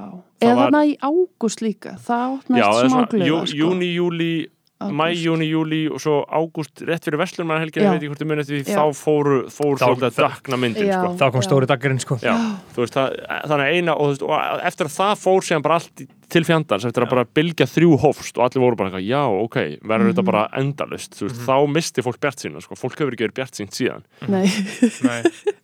Já, og ég vorkenni tónlistafólki og leikurum og alls konar fólki en þeim, Já, þeir sem ég vorkenni mest fólki. eru mentaskólanefnir sko. Já, Já, einmitt Ég vorkenni þeim langmest öllu að- það- bróður minn byrjaði í mentaskóla, þú Mhm. veist, þegar að COVID er. Hann er ekki búin að fá að kynnast mentaskóla. Nei. Af alvöru, skilur. Nei. Þetta voru, þú veist, það var alltaf allir að segja þetta við mann eitthvað að mentaskólarinn eru skemmtilegust á lífstíðins og maður var eitthvað, já, já, einmitt. Og þú veist, maður pældi ekki í þessu en svona Já. eftir að higgja þá maður bara, vá, Þeir- þeir þetta var voru að- gaman. Já. Og þetta var svo mikil, þú veist, það var maður gaman. bara sem einstaklingur í þann sem maður er svolítið í dag, skilur. Já. Þarna fekk maður loksins einhvern veginn Mhm. frelsi til þess að finna sjálfan sig. Já, Já, maður er ekki með nagandi samvinskupið Já, eins og við erum núna, skilur og maður var einhvern veginn, einmitt maður tilherði einhverjum hóp sem var mentaskólinn, Mhm. þú veist og maður var einhvern veginn svona þetta bara var bara geggjað djammið, tímabil. það var svo gaman að vera djamminu að bara kynnast nýju og nýju fólki, skilur uh, ég hefði ekki verið, sko, mér fannst MR ég var nógu öðna, þunglundur í MR ef að COVID hefði líka verið. Ég veit ekki alveg hvað hefði gerst, sko. Maður hefði bara gefist upp á þessu, sko. Eða eitthvað, sko, þetta er, já já, við bara, við sínum stuðning sínum stunning Af því að- af því að menntaskólanema í- í dag. Ímyndi ykkur að það eru engin bjórkvöld eða böll eða neitt Mhm, og mhm. heldur engin einn heima Já. það er það sem ég finnst lang sorglegast við þetta Já. er að fóreldrarnir er ekki að fara til Austuríkis eða Ítalíu Já. eða hvert sem að Nei, fóreldrar fara að hluti að lífskeiðum úns fólks er að fóreldrarnir farið til útlanda Já. sko. uh, ég Já. manna bara það, Já. það voru góðu kaplarnir í mínu Já. lífi voru þegar mamma og pappi Já. voru bara bæði Já. einhver staðar og maður var bara einn best skilurðu? í heiminum bara þú varst einn heima eina helgi og þú gafst bara skipla það bara oh my god, oh my god, já, já, já, já, já, já, já, já, já. ég ætla að maximæsa þetta líka bara þessi þessi fyrringur, þessi svona fimmtudags fyrringur maður fekk þetta sko bara í tætnar Já. Að einhvern veginn bara ok, ég er búin að redda mér skilríkjum þú veist, Mhm. allt þetta bara, ég ætla að Já. mæta á björgkvöld Já. og ég ætla að fara í bæinn á, á lögadegi líka, þú veist, Mhm. allt þetta þessi spenna, þú veist, þessi spenningur sem að Mhm. maður kynntist svo vel í mentaskóla hann, ég held að hann sé bara, hann er í dvala Já. Já. sko. hvað er í alvörunni slæmt sko. Já, þetta já. er vond, sko koma heim klukkan 11.35 ég er alltaf búin fyrr á föstum leggja sig eh, beint eftir skóla og síðan bjórkvöld um kvöldið keira sig í gang, fara í Mhm. Nike SB já, þarna skóna já, uh, og og bara drekka ógslag mikið og síðan bara mæta í þjónustu starfsvinnuna mína klukkan tíu um morgunin bara Já. djáma til fimm og bara mæta klukkan tíu um morgun bara eins og ég hefði ekki, eins og líka um minn hefði engin takmörk sko. Mhm. já, já, maður var Eh, ódöðlegur á já. þessum tíma, sko Uh, en sko bjórkvöldin voru reynda farin að það var farið að hallenda fæti sko hjá þeim bara áður en faröldurinn hófst þannig að það er ekkert heldur lengur ég meina, þú getur að spila á bjórkvöldi fyrir mennskólina Vá, nei, nei, ég held að þetta sé ekki lengur gert sko. Nei. nei ég bara spilaði mitt á okkur um svona böllum, sko ég meina, mannst ekki þegar við vorum með MR sko, ég byrjaði MR 2013, þá varst þú örugglega á öðru ári já. þá var bjórkvöld hverja einstu helgi Já. í tengslu við hvern einsta viðburð bara, og það allir var alltaf einhver tónlistamæður Já. að spila ég meina ég var hana í listafélaginu og var með á Hendrix Björgvöld, Mhm. klassist Já. síst, og hérna og þar, ég man ekki hvernig við fengum en það var Já. eitthvað svona álíka veist, það var bara, það mætti allir að því að maður var tónlistaratrið líka sko já, og bara, þú veist, og einhverju rapparar og eitthvað sitt og. Og ég held í alvörunni að mentaskólalemar uh, átti sér ekki á því hvað þetta var mikil veistla hjá okkur, sko, veist, þetta var svo gaman, sko, veist, bara þessi björkvöld voru það skemmtilegasta bara í öllum heiminum, sko. Mhm. þetta var náttúrulega mjög káttist umhverju, gerðist alls konar stórslið sanna, en það er náttúrulega bara fylgi jákvæð, stórslis Já, og, meina, og ég held að það séu nöðsynlega ég held að sko áreisturarnir Mm. í mentaskóla séu nöðsynlega fyrir þinn þroska í lífinu. Þú þarft Mhm. bara að fara í gegnum uh, þá svakalegu kátík sem er, er djammið á þessum aldri um, til þess að bara mótast sem persóna Mhm. já, já, við erum örgulega að fá bara eitthvað þú veist, út um mentaskólanum einhverja djöðsis viðvaninga í lífinu skilur bara einhverja Mhm. auðmingja sem hafa ekki gert neitt um að vera heim í play, Playstation og Teams Mhm. og eitthvað ógeð skilur, þetta er bara ömulegt og með þarna skruf lumbur skilur já. já, ég meina, þetta var náttúrulega þetta mun kannski líka bara þá kannski mun við taka þetta út setna sem er líka mjög erfitt Já. ég hefði ekki viljað taka út mentaskóla tímabilið Já. í dag Nei, nei. Úff, það Nei. hefði bara gengið fram á mér sko. Já, já, og, og taka það út 25 ára í COVID Já. sko. maður hefur alveg séð dæmi þess þegar fólk byrja til að drekka mjög seint að það svona er það, það haldrar svolítið að stað vegna þess að allir aðrir eru búin að fara í gegnum þetta og svona, þú veist, getur orðið svona þetta er yfirlt stutt tímabil hjá fólki maður gæti verið vittlesingur með vittlesingum Já, já, Já. 100% og það þetta var bara svolítið rétt þema í Einmitt, en, en ég meina að maður hafi frétt að því að mentaskólinni væri svo, svona hægt og rólega að dete- deteriorita sko, eh, út af þryggja Mm. ára kerfinu. Þau eða lauta með því sko. Samtök aðtunlýsins Haldur. Benjamin eðilega mentaskólina Já, ég held að það hefur reynda meira sem bara verið langt fyrir hans tíð þau hafa verið að vinna, þetta, vinna þessu í marga áratíð sko. Já, já, Hvað er það? Uh, hvað er það? erum við ekki bara hress?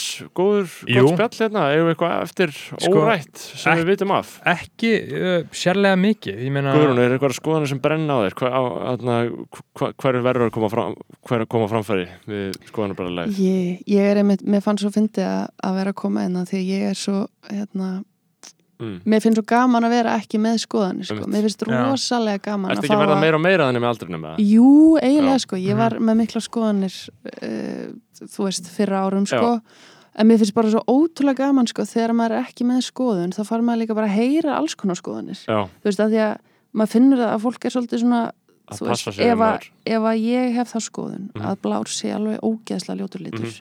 og ég googla, er blár ljótasti liturinn þá kemur bara ég og bara þetta er ljótasti liturinn en ef þú ætlar að googla, þú veist er blár fallegasti liturinn Mhm. þá er svo margt sem að stiður þetta og líka bara Google Já. og allt skilur þannig að við allt í hennu lifum bara þetta er bara stál í stál skilur Mhm. um, og það er engin leið fyrir okkur til þess að finna eitthvað svona Mhm. einhverjar sameinlega útkomi á neinu sko, þetta eru bara Mhm. okkar kór skoðanir Mhm. þannig að mér er svo gaman þegar maður getur svolítið sagt bara ég ætla ekki að hafa skoðan hlutunum Mhm. þannig ég geti líka kynst öllum skoðunum Já, Mér finnst það orðið svo mikið orð, þetta orð skoðun, það er bara, það er alltaf verið að ræða skoðanir Já. í samfélaginu. hvaða skoðun hefur þú? Já, þú veist, skoðun. mér finnst oft skoðun. bara Mhm. þarft í alvörun að hafa skoðun Við þurfum að breyta Mhm. nafninu á þættinum, begi. já Hva, Já. hvað myndi þá þátturinn heita? Bræður. Ég- Uh, Ég er enda sko uh, ég, ég er enda alveg ágætlega sáttu með nafnið sko. Já, Já, Eh, þetta er eh, gott nafn Já, sko. mér, finn, mér finnst þetta fínt nafn sko af því það gerist rosalega oft fyrir þú byrjar eitthvað uh, og síðan einu árið setna ertu byrjar að hata já. hata nafnið eins og mér finnst það alltaf sorglegt þegar maður sé listafólk í svona identity krísu með nafnið sitt. Já, það er alltaf að breyta eitthvað Já, þetta er eins og Jakob Já. þurfti að þvó af sér meistari Jakob, skilur, Já. það er alltaf ennþá út að götu, bara meistari Jakob. Já, hérna, hú, hann heitir með þess að Húskarlinn. Já. Jakob já, það var alveg lengi vel sko Það var epíst embætti, sko, hann Já. stopnaði embættið og já, fékk- hann fekk mig fékk- til þess að hérna, hvað var það? Ég, það var afhjúpun aldarinnar Já, varst þú að syngja mig- þar? Nei? Nei. ég var bara, ég var ekki byrjað að syngja þarna sko. Nei.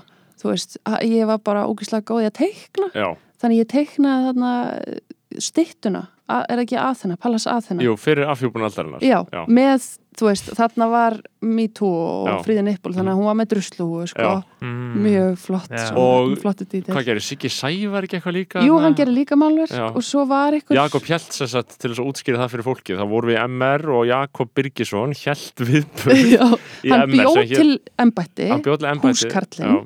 og skipulega viðbörð sem var sérst afhjúpun aldarinnar og það var bara að tala um afhjúpun aldarinnar geðað lengi Þetta var svo geggjað markaðsmúf að því allir voru bara, hvað er að fara að gerast? og, og maður ma vissi, gæti svo sem sagt sér að það var ekki verið að fara að afhjúpa neitt alveg en síðan afhjúpuðu hann bara eitthvað, eitthvað dót Tvö listaverk, basically, sko. Og og og sko, það var allt ræðu veist, það var bara, Já. kasa var bara þú veist, það var bara, það bara var, það var stappfullt Mhm. fyrir afhjúpun Jakobs á engum. Já, og, og var þetta bara eitthvað Facebook event? Já, Nei, já, eh, þú og, veist- bara plaggutuð um allt, bara afhjúpun afhjúpun aldarinnar. Aldarinnar, Já. þú veist ég Þetta man var- bara ennþá eftir afhjúpun aldarinnar. Já, já, já, ég líka. En það man, ég held að enginn munir rumverulega hvað gerðist. Nei, ég Það muna bara allir eftir afhjúpun Já. og þegar hann var húskall sko, var, og líka koppi skrýpa, skrýpu skrýmsli þegar hann fór í frambá á móti agli ástrásin sko. hann fór í frambá á móti agli ástrásin og tók fokki mikið aðgæm bara með því að segja koppi skrýpa, skrýpu skrýmsli og hvað, hvern, hvern, hvernig tók Egil í? uh, ég hafði ekki gaman að því held ég sko. Nei. þetta var þetta sko Egil, Jakob og Skrýpaði Valtýr fórsætti MR Nei, skrýpa er held ég bara næst ráðandi á eftir uh, inspektor sko. Eftir aðstoðar- ritari sko. Já. Ritari, já. Já. og sk skrýpa koppi skrýpa var alltaf fór gegn allir Já, það er ég býst sko, við þurfum að fá Egil við tala um það sko og Jakob, við vel að gera þetta upp með þeim saman sko. Já. Þátturinn getur heitið afhjúpun aldarinnar Afhjúpun alltaf, Já. hann er allir klikka hann er allir lusta Já, það er Já. bara uh, um að gera sko Já. En já, ég held að við séum bara svolítið búin að uh, fara út allt í sjáum Fara að njóta við- sunnudagsins? við- Já, við, við sjáum fram á uh, sumar uh, og Vonandi verða tónleikar Ég meina uh, Þjóðatíð, lunga Já, Sér þetta fyrir? Sjáum hvað gerist ég hérna ég náttúrulega var með sko bókanir í fyrra sem var, ég átti að vera að spila á Way Out West í Svíþjóð Mm. í ágúst í fyrra og það var fært yfir á ágúst í ár. Okay. og það er strax komnar efasemdarattir Mhm. varðandi þau gig Mhm. og maður er einhvern veginn bara maður er bara með efasemdarhattin á bara allan, dag, allan daginn sko. Kósi þannig að maður er bara þú veist, maður vonar það besta og býst við það versta svolítið, ég held að það sé þema þessu sko. Já, já. Það er hægt sko Lína skoðanabræðar er bara svo að uh, það ætti að nýta faraldum til að leggja niður lunga. Uh, Uh, Eða- það, það, það, það, það er þín skoðan sko, en þú getur náttúrulega lagt niður lunga bara með því að mæta. Uh, af því að það er svolítið hann að um leiði og snorri fyrir einhvert sko, þá hættir það að vera cool. Ah, er er sko. eins, eins og hann, fluttið til Berlínar og allt Já. náðu Berlín bara þér er sérst ekki búið að tónleika hjá mér. Mun eða líka allt sko. Það er ekki líka kúl Við þarfum til að sitja að mynda honum hjá dyrver. Já, ekki hleypa ekki hleypa húnum inn. Bara eitt banna með, já ég er bara tilbúin að fara á bennlista takk fyrir að koma Guðrún, ánægilegt að hafa þig. Takk hjálpa fyrir þetta. Uh, og kæra um hlustendur, Guð bless ykkur og haldi í vonina um betra líf því að það er alltaf handla